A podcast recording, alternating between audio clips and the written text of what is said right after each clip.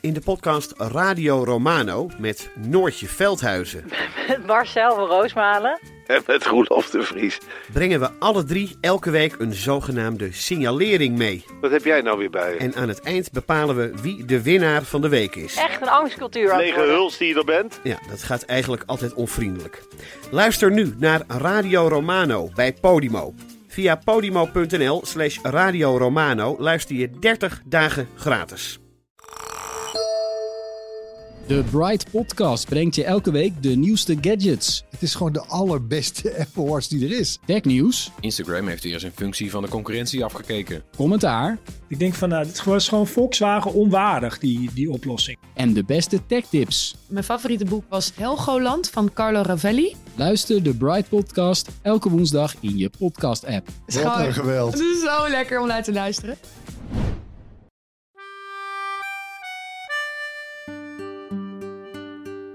Dit is Man met de microfoon. Met echte en bijna echte verhalen uit een stadswijk. En ik ben Chris Baayema. En in die jaren moest je geen bril hebben. John Lennon had ook een bril, maar nooit als hij optrad. Dat wist ze pas jaren later dat hij een bril had. De bril was een no-go zone. Het was een hele aardige meneer, maar wel met een beetje, een beetje rommelig haar. dus een meneer die eh, heel aardig was, maar hij zag er niet heel aardig uit. Ja, dat, dat stelde ze me in het vooruitzicht. In het weekend zouden we een wandeling gaan maken. Maar dat bleek toen een groepswandeling te zijn met een heel stel jongelui. Dus dat was ook weer niet erg romantisch. Ja, welkom bij Man met de microfoon. En we leggen het nog één keer uit. Ja, daar gaan we. Goed, ik rij met een oranje bus door de buurt om mensen te interviewen. Omdat ik denk ja, dat misschien de beste verhalen wel om de hoek te vinden zijn. En elke maand presenteer ik een programma aan de hand van een thema. Ja, heel goed. Maar we moeten ook even nu aandacht vragen voor iets. Oh ja, we hebben iets verzonnen. Namelijk, Man met de microfoon is eigenlijk de, kleinste omroep van Nederland. En elke omroep heeft leden, leden, precies. En bij ons kan je nu ook min of meer lid worden. Min of meer. Want wij hebben nu, ja, wij hebben nu, papa, papa, even samen, de, man, met de microfoon Clubcard. Kijk op manmetdemicrofoon.nl. Als jij 25 euro betaalt, heb jij een clubcard. pak aan. Wat je er precies mee kan. Ja, dat weten we eigenlijk nog niet. Maar er staat wel heel goed uitgelegd hoe je naar Man met de microfoon kan luisteren. En dat kan je dus aan mensen laten zien. Want daar gaat het om, hè. Zoveel mogelijk reclame maken via Facebook en Twitter. Dat helpt echt enorm. Net zoals recensies achterlaten in de iTunes Store. Ehm, nou, dat was het eigenlijk voordat we gaan beginnen. Ja, we gaan zo beginnen. Maar eerst hebben we ruimte voor mijn sponsor, de Koffie Company.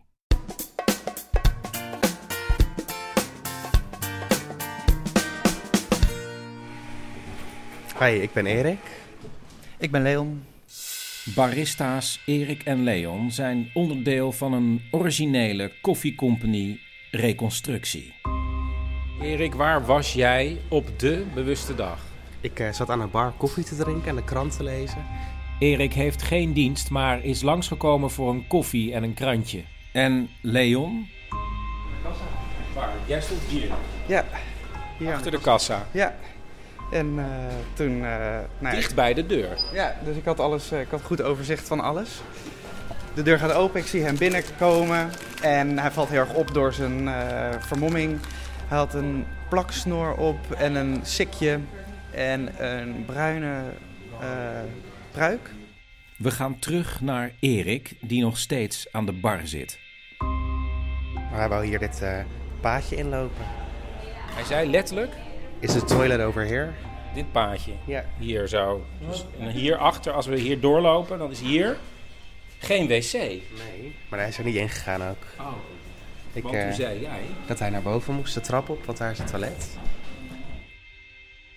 Terug naar Leon. Eh, in de tussentijd hadden zijn bodyguards voor hem koffie besteld. En eh, die hadden Erik en ik gemaakt.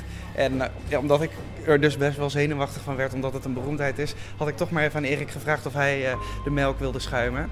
En ja, dus Erik geeft de koffie aan Justin Bieber en hij zegt tegen hem, I appreciate it, en hij loopt weg. Nou, Leon, exact. Wat gebeurde er exact? Tenminste, hij gaat eerst nog even zitten, neemt een paar slokken en dan loopt hij weg. Precies. Dit was een originele koffiecompagnie reconstructie. Man met de microfoon wordt mede mogelijk gemaakt door Koffie Company. De lekkerste koffie in de buurt en bij je thuis. Kijk op koffiecompany.nl voor vers gebrande koffie, simpele zetapparatuur en tips en uitleg hoe jij ook goede koffie bij je thuis kan zetten. Ja, en uh, daar ben ik weer terug. En er is misschien even een misverstand omdat je voor de allereerste keer luistert. Ja. Ben ik misschien even vergeten dat je denkt: hé, hey, ja. die uh, presentatoren die lijken nogal op elkaar. Uh, nee, ik maak dit programma helemaal alleen, maar ik kan dus alleen maar een dialoog hebben met mezelf. Dus Chris. Ja, dus op deze manier. Ja, op, ja door elkaar heen en weer. Ja, precies. Ja. Heen en weer. Ja, oké. Okay. Uh, nou, dan weet je dat. Um, en deze keer is het thema, ja, ik dacht, uh, de pianostemmer kwam langs, die hoor je hieronder. Ik dacht, we doen gewoon als thema muziek. Hatsé. En uh, nou ja, volgens mij, ja, Chris? Ja, volgens mij ja. kunnen we beginnen. Laten we maar beginnen. Daar gaan we.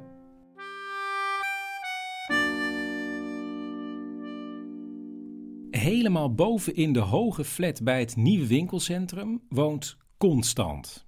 En hij ziet eruit als 56, maar ik heb het opgezocht. Hij is 71.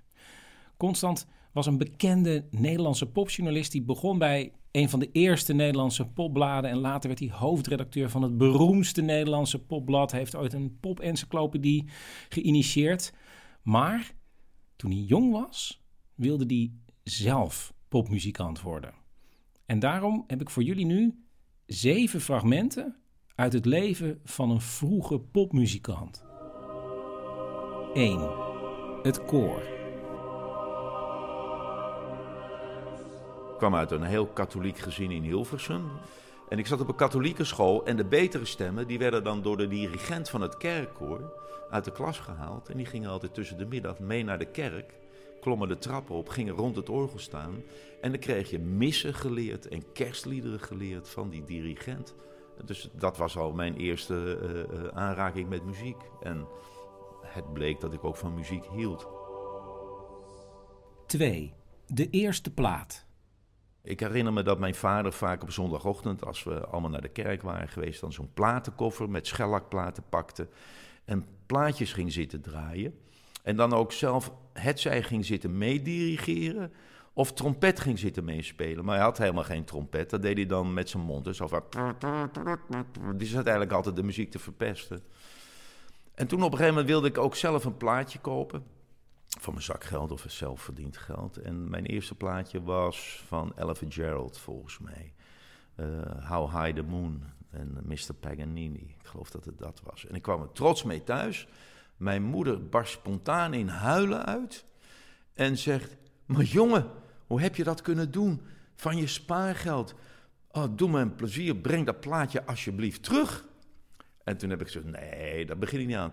Die, uh, vader die heeft toch, koopt toch ook om de paar weken een plaat, ook een hele collectie. Waarom zou ik mijn eigen plaatje niet mogen kopen? Maar mijn moeder was een paar dagen van de kaart hoor. Je moest echt Echt huilen.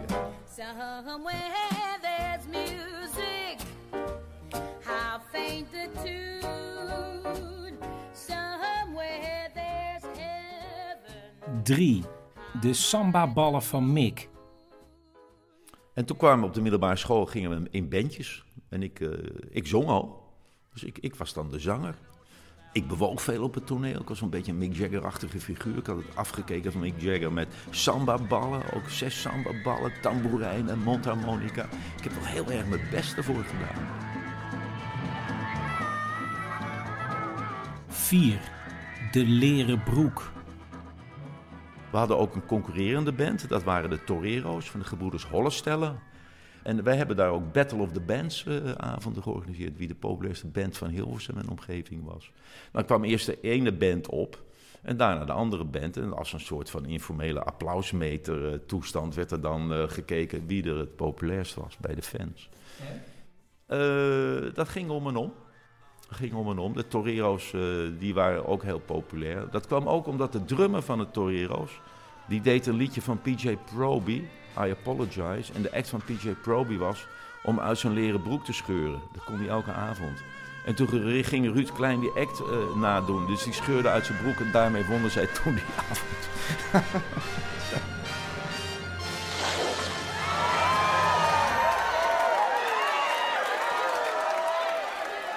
Vijf. Haar tot over de oren.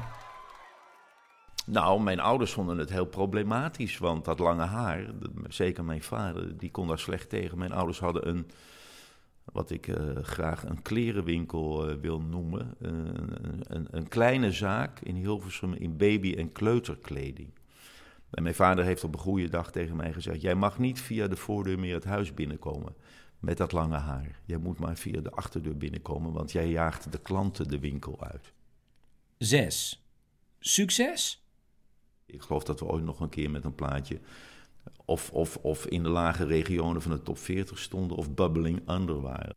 Teenager Music. En dan nu, teenagers, een nieuwe frisse band uit Hilversum. Ik zal later deze uitzending bekendmaken wat de naam is. Maar het nummer is I'll Be Satisfied. En de zanger is Constant Meijers. En het is duidelijk zelf geschreven.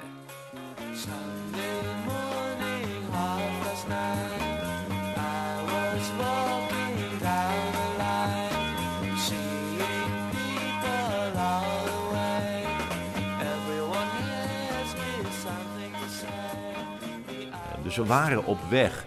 Maar het is uiteindelijk niet gelukt. En veel jaren later heb ik toch gemeente moeten vaststellen. dat het misschien aan mijzelf heeft gelegen. Omdat ik er niet uitzag als een rock'n'roll ster. Want ik was een beetje een bleu jongetje. Ik, was wel, ik durfde wel. Maar ik was toch een beetje bleu en ik had een bril. En in die jaren moest je geen bril hebben. John Lennon had ook een bril, maar nooit als hij optrad. Dat wist ik pas jaren later dat hij een bril had. De bril was een no-go zone. 7. De naam. En nu moeten we even iets gaan uitleggen, toch, Chris? Ja, we moeten zeker iets gaan uitleggen. Ja, ehm, doe, doe je al, allereerst even het nummer wat je hieronder hoort. Dat is van de Toreros. Dat heet Come. En de Toreros zijn wel een grote succes geworden. Want die hebben onder andere gestaan in het voorprogramma van de Beatles. Precies.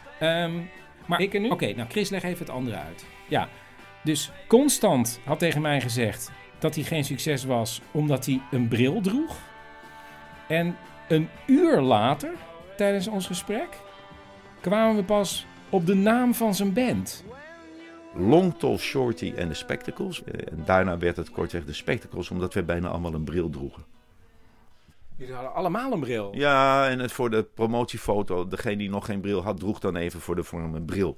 Voor de publiciteitsfoto. Hè? Ja, ook genomen, die foto, voor een brillenwinkel in Hilversum. Een bevriende brillenwinkel. De Spectacles. Het is niet één no-go zone, het zijn meerdere no-go zones. Dit was gedoemd te mislukken, toch? Je, je zegt dat het, eerst vertel je het hele verhaal waarom het geen succes is geworden. En nu hoor ik pas wat de bandnaam is. Ja, ja, ja, ja. Ja, nou ja, ander- anders had je de bandnaam wel geweten als het een succes was geworden. Oh, die band. Ja, jongelui, die zullen we niet snel vergeten. De Spectacles.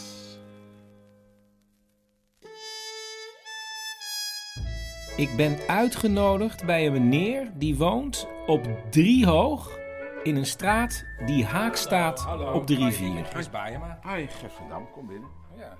Ehm, je had een vraag? Oh nee, ik had niet echt. Ik, eh, eh, volgens mij had u mij gemaild. Want u bent de liedjesmaker van de buurt of zoiets? Nee, ik ben de stadsdeel singer-songwriter. De stadsdeel zingen Een singer-songwriter betekent niet alleen dat je je liedjes zingt, zingen, maar dat je ze ook schrijft. Songwriter. Ja, ja. Hm. Welk instrument speelt u dan eigenlijk? Nou, geen enkel. Het is niet singer, eh, eh, songwriter, music instrument player. Dat is het niet. Oh ja. En kijk, ik stel me zo voor eh, de- dat jij een, een, fly on the wall. Begrijp je? Je kijkt en je ziet mij dat allemaal maken. Je ziet me die inspiratie krijgen. Is dat misschien iets voor je documentaire, toch? Oh ja, maar dat eigenlijk. Ja, zo'n programma is het eigenlijk niet. Oh. Oh, ik wil sorry. wel. Ja, als Nou een als- liedje heeft, dan. Ik wil wel Nou, iets doen. Maar Nou, bijvoorbeeld, ik loop naar het raam nu, hè, bijvoorbeeld. Hè? Ja? En dan kijk ik naar buiten. En dan zie ik bijvoorbeeld... eh, ja. Een vrouw, een vrouw loopt door de straten. Ja, ja, ja. ja. ja. Heeft u wat? Ja, ja, ik heb Ja. wat, ja. Eh, een vrouw doorloopt door de straten, veel auto's. Het is nog droog, maar het gaat zometeen toch regenen. Weet je, zo. Zo stel ik me dat voor. Hè? Dan...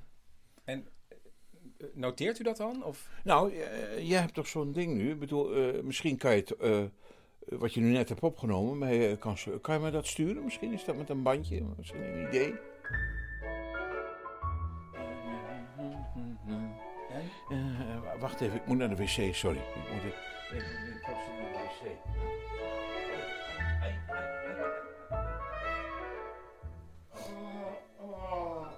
Gert? Ja, ik zit even op de wc. Ja. Ah. Waar?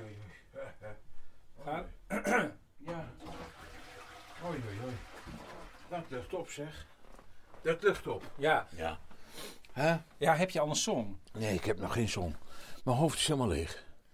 Ik had hele mooie beelden van balkons en licht en joelende mensen. Weet je, onrust in de wijk bijvoorbeeld. Vind ik een mooi onderwerp. Ja, het is allemaal weg. Het is allemaal weg. Ja, maar heb je ooit een, al een nummer geschreven? Nee, want ja, we zijn begonnen, hè. Het is net, net opgestart allemaal. Is je eigenlijk je ambitie de- om, om dan ook te gaan optreden? Eh, ja, ergens heb ik die ambitie wel. Ik, ik ben nu eh, tenslotte nog singer-songwriter, maar ik wil uiteindelijk singer-songwriter-performer worden. Dat is wat ik wil. Mijn oude overbuurman Leopold speelt heel vaak mee in bijna echte scènes. Maar dit is een echt verhaal van hem en zijn vrouw Helene. 30? Nee, ik was 31 denk ik en Helene 27. Het was onze eerste reis samen. Ik had jongens ontmoet op een reis die ik had gemaakt in Indonesië. Drie Amerikaanse jongens en die woonden in San Francisco. En dat was een heel goed uitgangspunt om die reis te maken. Maar goed, toen waren we een paar dagen bij hun op bezoek. En dan moet je bij die Amerikanen, moet je ook bij hun tante en een oom en een oma en een familie en een vriend. En dan moet je dit en, moet je... en op een gegeven moment hadden we het helemaal gehad. Dus wij na twee, drie dagen wilden wij gewoon weg. En zij zeiden niet gaan, want je vindt nergens een plek om te kamperen. Het is een feestdag. Ik geloof dat het 4th of July was of zo. Je, bent- je slaat jezelf voor je kop. Niet doen, niet doen. We gaan het wel doen. Dus wij rijden. Ja, fantastisch. We waren al helemaal vergeten dat het inderdaad een drukte was. Want Amerika is in verhouding tot Nederland natuurlijk helemaal leeg. Dus wij rijden, rijden, rijden. En op een gegeven moment werd het wat donkerder. Toen dachten we, nou weet je, we moeten nu toch wel eens een slaapplaatsje gaan zoeken. Nou, hotelletje vol. Een bed and breakfast of een motel vol. Alles was vol. En het was, dat kan ik ook nog herinneren, het was volle maan. Het was wel een bijzondere nacht.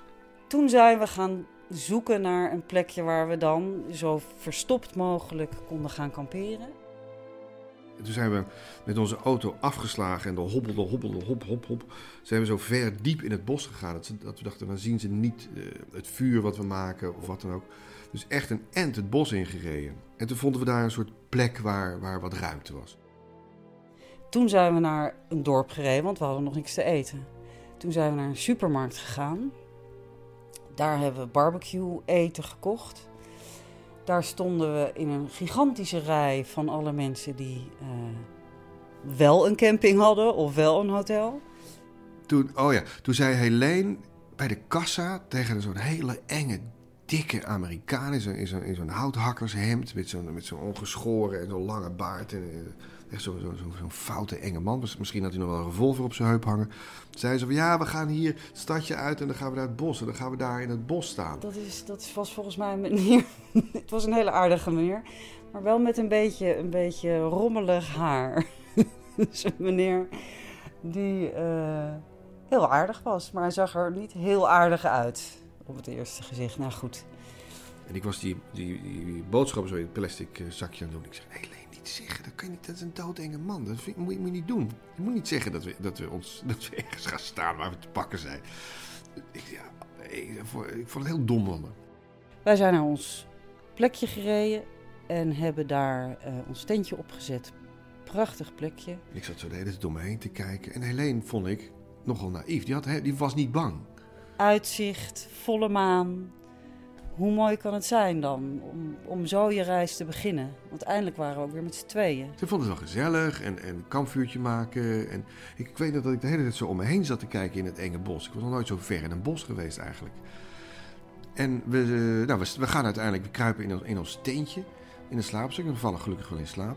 Maar midden in de nacht worden we gewekt door kei en keiharde muziek. Da! Weet je, dat je rechtop in je bed zit omdat er vlak naast je oor gewoon een luidspreker staat te loeien. En het was een nummer, een soort hard rock, eh, waar werd gezongen in herhaling Here We Go Again. Here we go again. En dan zo'n zo, zo'n aanslag op zo'n gitaar. Here we go again. Ik schrok me helemaal gek en meteen gingen er, gingen er scenario's in, in, in mijn hoofd. Dat was de tijd van eh, Silence of the Lambs.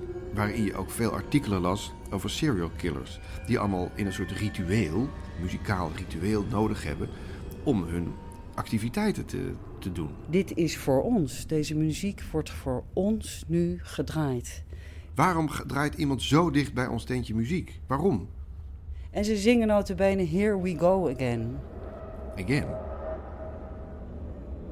En ik, ik, ik zat ook met Helene. Jezus man, wat zit ik hier met een mooie vrouw? Wat, wat, wat, wat, wat, kan ik doen? Wat, dat stel je voor dat ze voor haar komen. Of wat, dat ze haar gezien hebben, dat dit die man was in die winkel.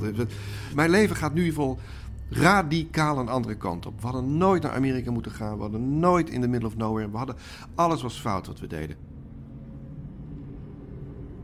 En eh, nou, we, we, zaten zo rechtop in ons bed. Of in, of in ons slaapzakje, een beetje bloot. En eh, dat nummer af te wachten. En dat nummer dat eindigt. We zitten stil te wachten en te wachten. Nou, gelukkig niks. Komt ook niemand in. Er gaat geen rits open, niks. Oké, nou hoe. Dan denk ik weer. En toen begon het nummer weer opnieuw. En ik dacht, dit is dus weer niet. Dit is de tweede keer dat ze dat nummer. Hij komt in de mood nu. Vermoorden, martelen, vermoorden. Dat speelde allemaal direct. Dat was de, het was echt doodsangst. Ik was ervan overtuigd. Ik ga dood. Ik word vermoord op een gruwelijke manier. Weer stilte. En na verloop van tijd weer dat nummer. Voor de derde keer dat, opnieuw dat nummer. Here we go again. Fluisterend hebben we bedacht, we gaan in de auto zitten. We moeten weg, moeten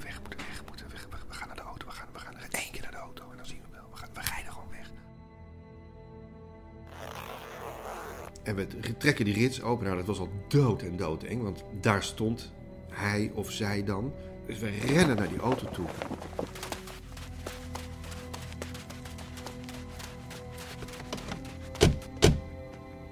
En we zitten naakt in die auto, midden in dat bos, zonder iets of iemand om ons heen. Leopold zei op een gegeven moment, we moeten gaan rijden, want een moving target is hard to hit. A moving target is hard to hit. Nou goed, en ik startte de motor en wij rijden keihard door dat bos.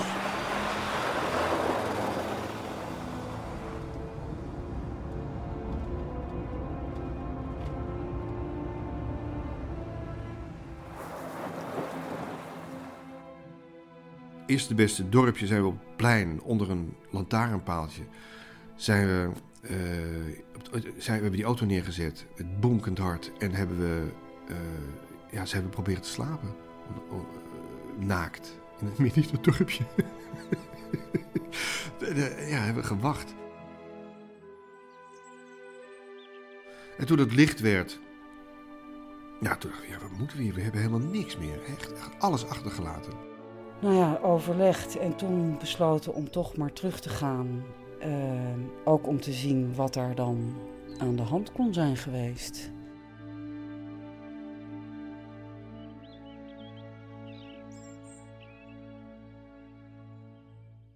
En eh, we, zijn dat, we hebben dat plekje weer gevonden.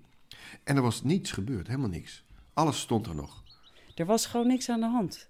We hebben de spullen in de auto gepakt, zijn weggereden en besloten: wij gaan nooit meer vrij kamperen. Never. Ik heb nog de hele vakantie door, heb ik nachtenlang banend in het zweet wakker geworden. En ik heb nog de hele reis, iedere keer als we wegkwamen en terugkwamen bij het tentje, gedacht: nu zit er een briefje op de tent van die mensen. Van we, we komen er nog aan, maar we laten jullie nog even.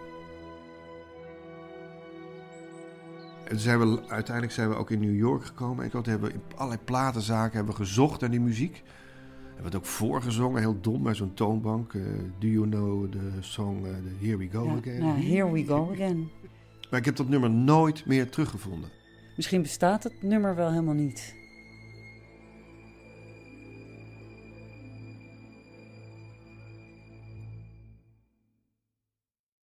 Chris. Ja, wat, wat is er? Bestaat niet. Oh, bestaat niet, kennen, we niet. Precies.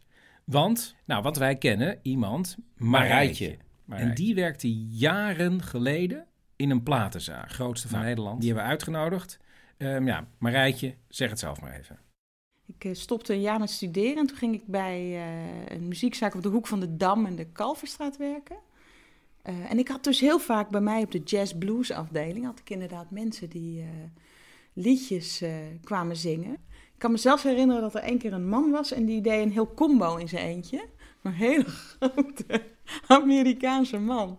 Die eh, zei, and it goes something like this. En die begon toen zo'n hele chat sessie in zijn eentje. Eerst de bas. En daarna overheen een hele drumstel en een, eh, en een keyboard. En het was een sessie en ik stond met mijn collega Tim met onze mond open te luisteren. Aan het eind moesten wij heel treurig zeggen... "Uh, sorry, we, we just don't know what it is. En Dus eh, dat gebeurt vaak hoor, bij muziekwinkels. Maar ik weet niet of dat nu natuurlijk nog zo is. Of er nog zoveel gezongen wordt bij kassa's van... eh, ik zoek dat nummer. Goed, als er iemand is die ons aan het nummer zou kunnen helpen, dan is het, ja, dan is het Marijtje. Nou, we hebben er dus, Chris, ja, bij de montage uitgenodigd. Oké, we zitten nu achter mijn computer en ik heb even het stukje van Leopold eh, klaarstaan, waar die dus dat nummer even zingt, eh, Marijtje. Komt-ie. Hoe ging het als je het zou na moeten doen nu?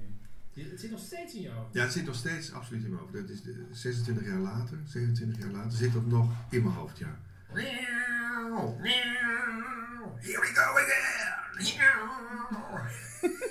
Absurd dat ik dit sta te zingen. Maar het was zo eng. Ja, het is niet heel veel, hè? Maar het is Nee. iets in...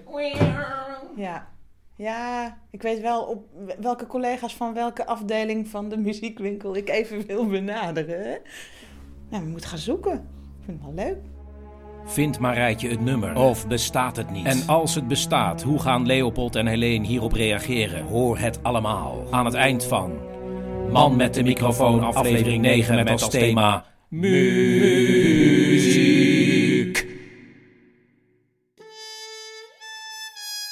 In het wijkje bij de Randweg, waar veel jonge gezinnen komen wonen, gaat de telefoon. Met Annelies. Ja, hallo.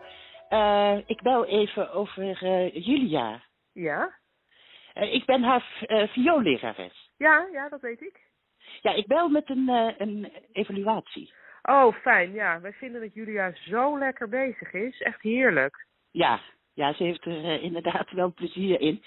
Maar waar ik even over wilde bellen is dat... De methode. U overweegt u toch Suzuki? Nou, nee, nee, het is meer zo. ehm, ja, hoe moet ik dat nou zeggen of eh, formuleren? Eh, kijk, elk kind heeft een eh, talent. Ja, Daarvan ja. ben ik overtuigd. Ik ook. En bijna iedereen heeft ook wel talent voor muziek. Ja. Maar Julia, dat is een eh, zeldzaam geval waarvan ik denk nee. Nee. Ik heb dit eigenlijk nog nooit meegemaakt. Maar ik denk dat Julia niet boven het niveau uit gaat komen dat ze nu heeft.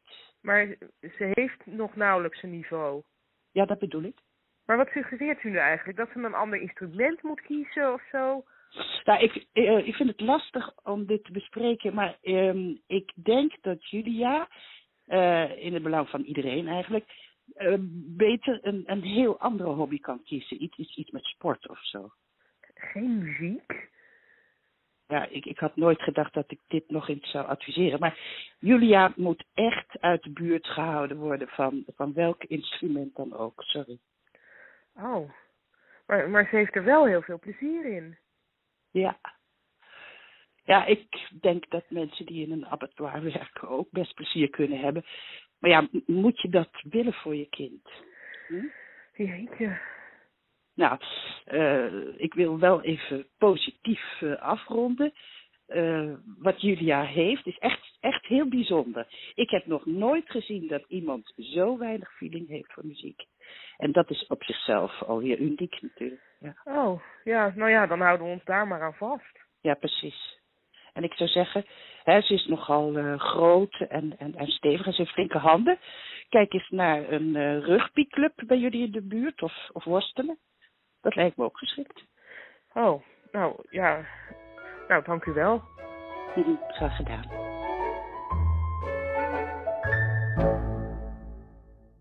Onder het kleine station zit een muziekschooltje. En daar wordt onder andere lesgegeven in accordeon. En toen dacht ik, ja, misschien moet ik dan die leraar gaan spreken.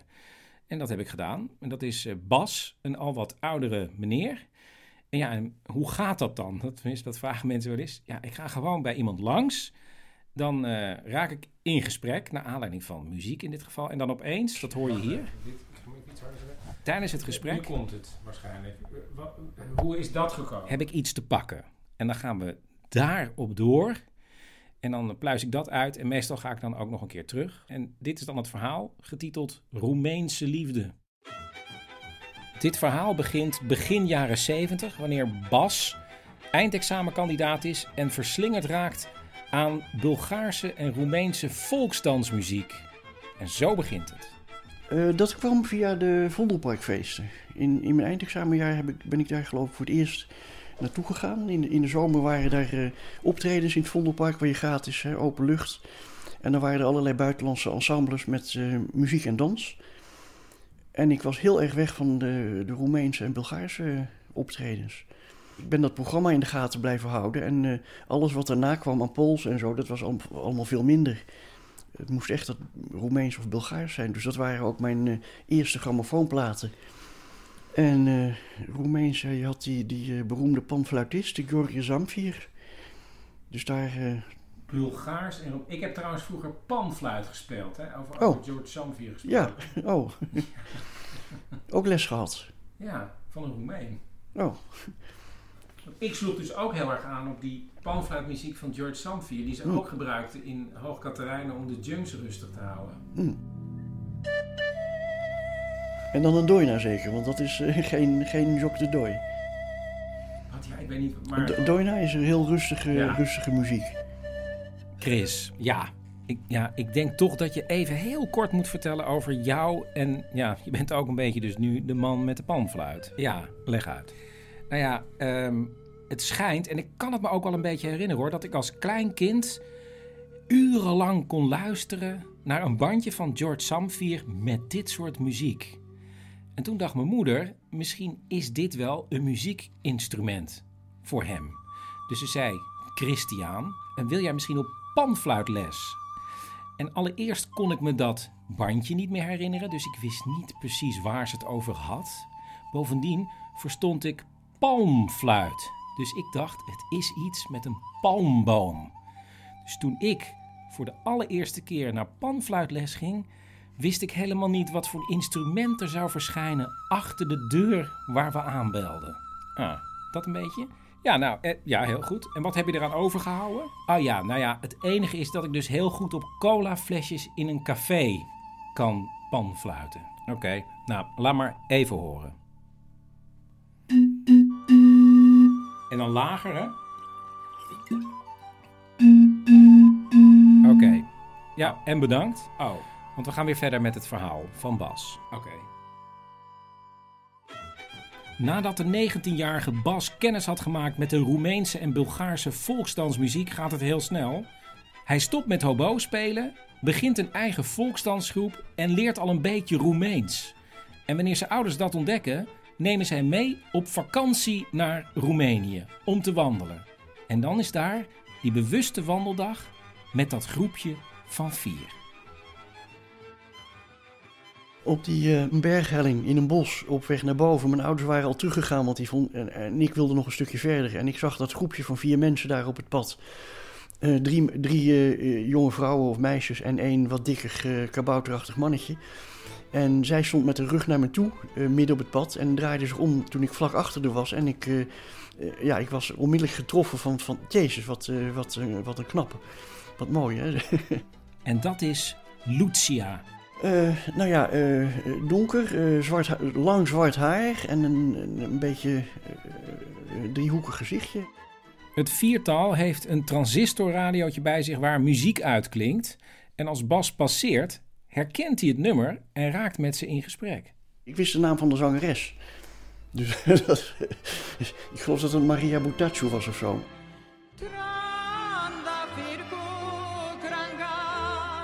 Bas maakt indruk op het groepje omdat hij met zijn basale Roemeense kennis ook nog het nummer weet te vertalen. En samen lopen ze naar de top. Er was, een, ja, er was een gebouwtje daar op de top van die berg en een ezeltje, weet ik nog. Maar ook zo'n eh, zo'n houten eh, schragentafel. En zij pakten van alles uit wat ze in hun rugzak hadden. En ik moest vooral mee eten. Ik werd steeds aangespoord. En maninke, maninke, eet, eet. en eh, toen heb ik, eh, op een gegeven moment ben ik bij haar neergeknield. En heb ik ge- gevraagd, mag ik je een keer omhelzen? Want ik dacht, eh, dat, dat geen één meisje wil dat van, met mij. Maar als ik het eh, netjes vraag, dan, dan staan ze het misschien toe. Want ik denk, ik denk dat vindt een meisje niet leuk. Maar misschien eh, denkt ze, ach nou ja, we zien elkaar nooit meer. En wat, wat kan het voor kwaad? Maar het mocht. Eh, het mocht en eh, ze is dus meegelopen samen met een zus. Maar die zus die was zo eh taksvol om bij de bosrand rechtsomkeer te maken. Dus wij zijn in het donker, in het halve donker, ja donker was, was, was het al zo'n beetje, wat verder die bergen afgedaald. En hebben toen even een klein vrijpartijtje gehad daar in het natte gebladerte. Dus dat was inderdaad een kus, dat, daar, waar ik ook niet op gerekend had. En dat was de allereerste keer eigenlijk. En dat was de allereerste keer. Tussen ons, maar ook voor mij. Op op zo'n manier had ik nog nooit een meisje aangeraakt. De volgende dag ontmoeten ze elkaar weer, maar dan bij de ouders van Lucia. En ze geeft hem een boek vol poëzie cadeau. En eenmaal weer thuis in Nederland schrijft hij haar een brief. En tot zijn grote vreugde stuurt ze er een terug. In de eerste brief die ik van haar kreeg liet ze al merken dat het heel bijzonder voor haar was om een brief van mij te gekregen te hebben. hè. Als een kostbaar kleinoot bij zich gehouden en eh, met opzet nog niet opengemaakt en zo, zoiets. Schreef ze de allereerste keer. Er volgen nog vele brieven en langzamerhand ontstaat het idee om elkaar weer te ontmoeten. Maar Lucia kan natuurlijk niet onder het regime van Ceausescu Roemenië uit. En dus moet hij naar haar toe komen. En dat kan, want zijn ouders gaan weer op vakantie naar Roemenië en zetten Bas af in het dorpje van Lucia om hem twee weken later weer op te komen halen. En eigenlijk mag je ook niet logeren bij iemand, maar omdat de vader van Lucia een vooraanstaand persoon is in het dorp, wordt het door iedereen door de vingers gezien. Enige vervelende is dat Lucia in de weken voor het bezoek is opgeroepen voor militaire dienst en iedere ochtend heel vroeg naar de stad Sibiu moet afreizen en pas laat in de middag weer thuis is. Ik ging elke keer naar het station, ging ik ophalen en zo. Aan het eind van de middag. En dan, en dan liepen we naar huis. eh, misschien wel eens hand in hand, misschien ook niet. En dan was zij back af. En de eerste dagen zat ze dus dat, eh, dat militaire kostuum te verstellen, omdat dat veel te groot voor haar was. En latere dagen zat ze, eh, zat ze voor de tv, eh, waar je de boertjes en boerinnetjes met hun volksdansen zag. Want het was een en al folklore op die televisie. En ja, dat vond ik toch niet zo leuk, want daar was ik niet voor gekomen. Maar waarom deed ze dat dan? Maar ja, ze was moe, ging ook vroeg naar bed. soms zonder, zonder mij een teken te geven dat ze verdwenen was. Maar zei ze nog sorry of... Nee, nee. En dus zat Bas overdag zonder haar op de boerderij. Eh, God, ik, ik, ja, ik stond op en ik zat dan 's ochtends eh, op, op dat erf zat ik mijn grammatica, mijn Russische grammatica te leren, die ik bij me had voor de zekerheid en waarvan ik gehoopt had dat ik er niet aan toe zou komen, maar ik deed eigenlijk niks anders daar. ik, ik maakte mee hoe dat, eh, dat vrouwtje, eh, die moeder van haar, eh, zo'n gebogen hoofddoekvrouwtje, hoe die eh, met een kip eh, achter de schuur verdween en dan luid gekakel en, en wat veertjes die in het rond vlogen. En even later, dan, een uurtje later, was de soep voor mij klaar met eh, vetoogjes en zo. Hè. De, de chorba, de kippen, kippensoep. Ja, dat, dat stelde ze me in het vooruitzicht. In het weekend zouden we een wandeling gaan maken. Maar dat bleek toen een groepswandeling te zijn met een heel stel jongelui. Dus dat was ook weer niet erg romantisch.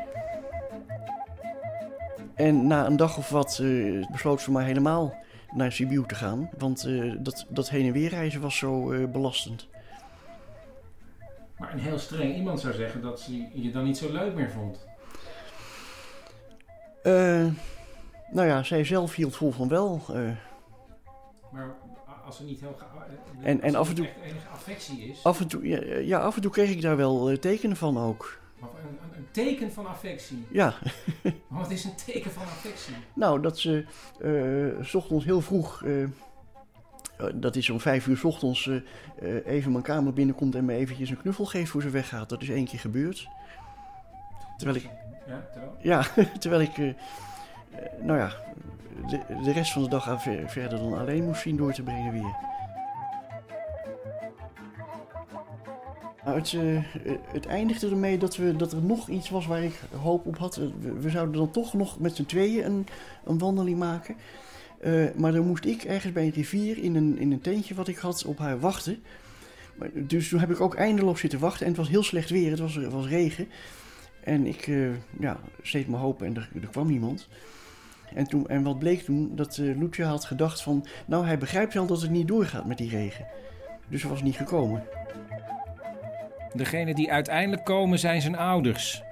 Want de vakantie is voorbij. En die avond zien ze Lucia nog wel in de stad. Maar dan reizen ze weer door naar Nederland. En het gekke is, dan pakken ze hun briefwisseling weer op. En dan is hij weer net zo romantisch als daarvoor. En dan, in de loop van het jaar, krijgt hij een paar brieven met de volgende strekking.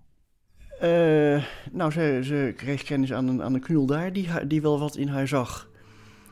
Dus eh, tot dan toe was het gewoon Romeo en Julia geweest en de rest van de wereld bestond niet. Had ik het idee, of dat waar is, weet ik niet. Maar eh, op een gegeven moment kwam toch de aap uit de mouw dat ze getrouwd was. En dat was een ceremonietje van niks waar ze bijna meteen spijt van had. Maar toen zat ze aan hem vast. Al snel stuurt ze brieven hoe ongelukkig haar huwelijk is.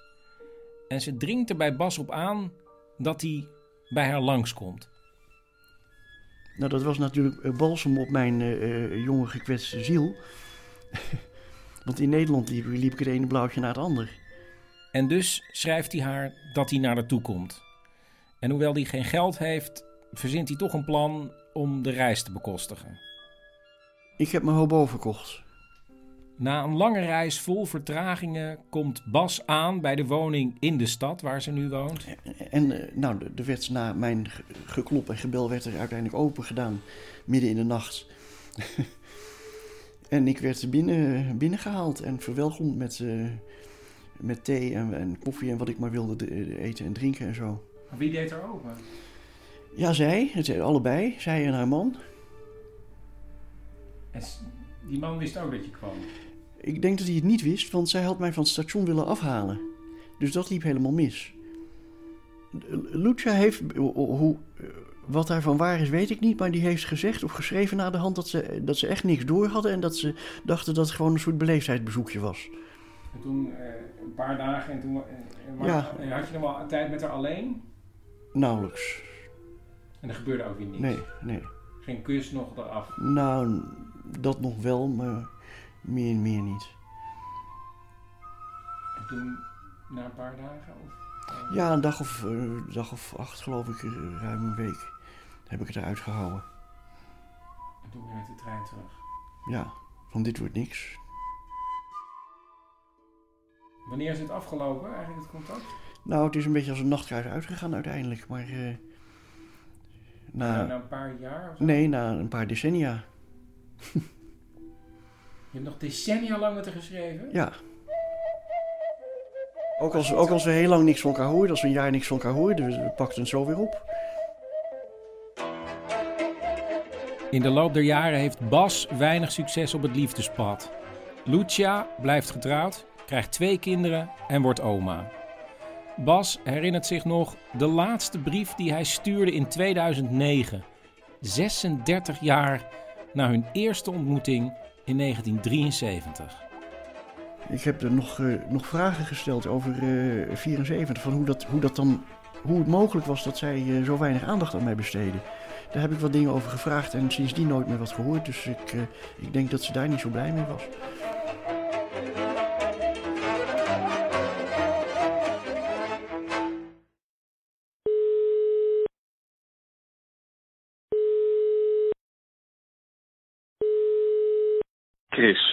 Met Leopold. Gelukkig nieuwjaar.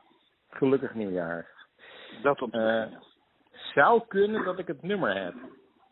Dat is wel heel bizar. Nou, we kunnen straks even naar je toe komen. Helene. Nee, ik durf niet. Ik wil dit nummer geloof ik nooit meer horen. Als het het is. Ik wil het horen, Chris Kop. Ik zal nog even zeggen, het is dus Marijtje, die heeft gewerkt bij die platenzaak. En die heeft een collega gevonden en ze hebben op drie dingen gelet. Het moet voor 1991 gemaakt zijn, het Ja. liefst vlak daarvoor. Dat is dit nummer. Ja. Het, eh, het moet behoorlijk heftig zijn. Ja. Dat is dit nummer. Ja. En het nummer heet Here We Go Again. Niet waar. Nou, we gaan Ik vind het echt gewoon een beetje spannend. Het is, Ik dit is ook het einde van een, van, een, van een mysterie. Als dit het nummer is, het nummer dan is het is. verhaal afgelopen. Dat is ook Nou, wel goed. Dat is ook wel goed, dan hoef je het ook nooit meer te vertellen. Kom maar.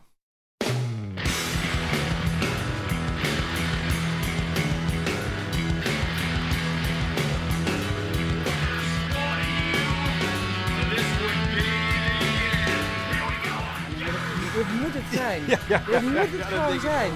En dit is echt keihard. Ja, en oh, wat gaat er dan gebeuren? Here we go again. Wat dan? Wat de fuck stem. gaat er gebeuren? Bos. Dat is hem. Het is, het is heel naar. Waarom wordt deze muziek gemaakt, jongens?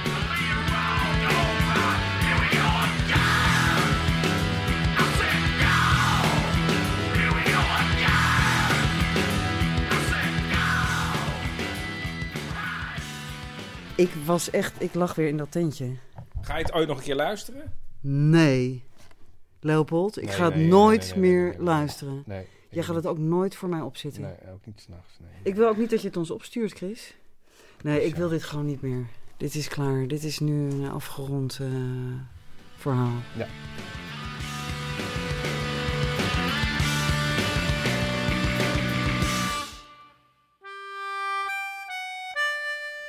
En dit was hem alweer, aflevering 9 van Man met de microfoon. Eh, meegewerkt hebben deze keer Paulien Cornelissen, Cecile Heuyer en Hans Leendertsen. En ehm, ja, heel veel dank gaat uit naar Marijtje van Amersfoort, die het nummer heeft weten te vinden van Leopold en Helene. ehm, samen met haar collega Steef, die inmiddels in Groningen woont. Man met de microfoon wordt mede mogelijk gemaakt door de Koffiecompagnie en het Amsterdams Fonds voor de Kunst. En eh, ja, blijf reclame maken voor, voor Man met de microfoon. Eh, koop een clubkaart, ook hartstikke leuk. Ehm, want ja, ik geloof dat ik nog misschien wel 100 afleveringen wil maken. Dan weet je dat alvast. Oh ja, en sinds kort is er ook altijd nog iets na. Luister maar. Maar we, Nou we ja, ermee ik- wakker. Ik, ik vind het nu, ik, nou het is nu niet overdag, maar ik vind het wel een eng nummer. Ja, maar het komt ook omdat we hier zijn. Maar even concluderend, dit is het nummer. Dat ga ik niet Denk zeggen. dat zou je wel willen. Even serieus. een itempje, hè? en volgens mij gewoon zeggen dat het niet is. Nee, dit was- klonk toch anders? het was een Duits nummer. Here we, here we go again. Je mag- kent wir. Ja, wir, Wieder einmal. Wir machen es wieder.